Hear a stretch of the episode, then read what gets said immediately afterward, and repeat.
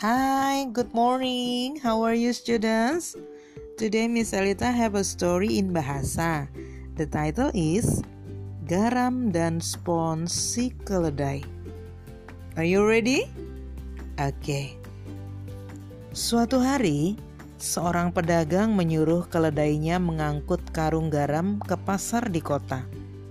Di tengah jalan, keledai harus menyeberang melewati sebuah sungai. Tanpa sengaja, tiba-tiba ia jatuh terpeleset ke dalam sungai yang berair dangkal. Semua karung garamnya basah terendam air. Aha, tapi apa yang terjadi kemudian?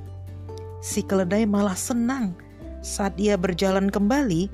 Ternyata beban garam yang ia bawa kini menjadi lebih ringan. Ia baru tahu kalau garam itu larut dalam air. Keesokan harinya, si pedagang kembali menyuruh keledainya membawa garam ke pasar di kota. Keledai yang nakal itu jadi ingat peristiwa kemarin. Aku ingin garam yang aku bawa ini juga menjadi ringan, pikirnya sambil pura-pura terpleset dan jatuh ke dalam air. Si pedagang menjadi sangat kesal. Keesokan harinya, kemudian ia mengganti barang bawaan si keledai dengan spons. Saat mereka melewati sungai itu kembali, lagi-lagi si keledai menjatuhkan dirinya ke dalam air sungai. Ia ingin spons itu menjadi ringan. Tapi kini si keledai kena batunya. Loh, kok barang bawaanku malah bertambah berat, bukan malah berkurang?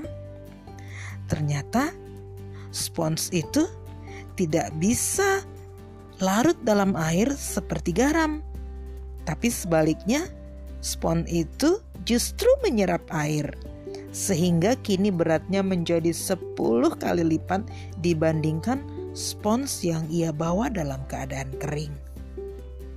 Akhirnya, hari itu si keledai sangat kelelahan dan seluruh tubuhnya terasa sakit karena membawa beban yang demikian berat.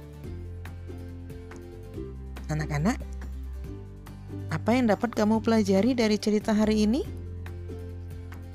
Iya, cara yang sama belum tentu bisa sesuai diterapkan pada hal-hal yang berbeda. Selain itu, anak-anak juga perlu gigih, tetap semangat, dan jangan mengeluh. Demikian cerita Misalita pagi ini. Thank you students. Bye bye.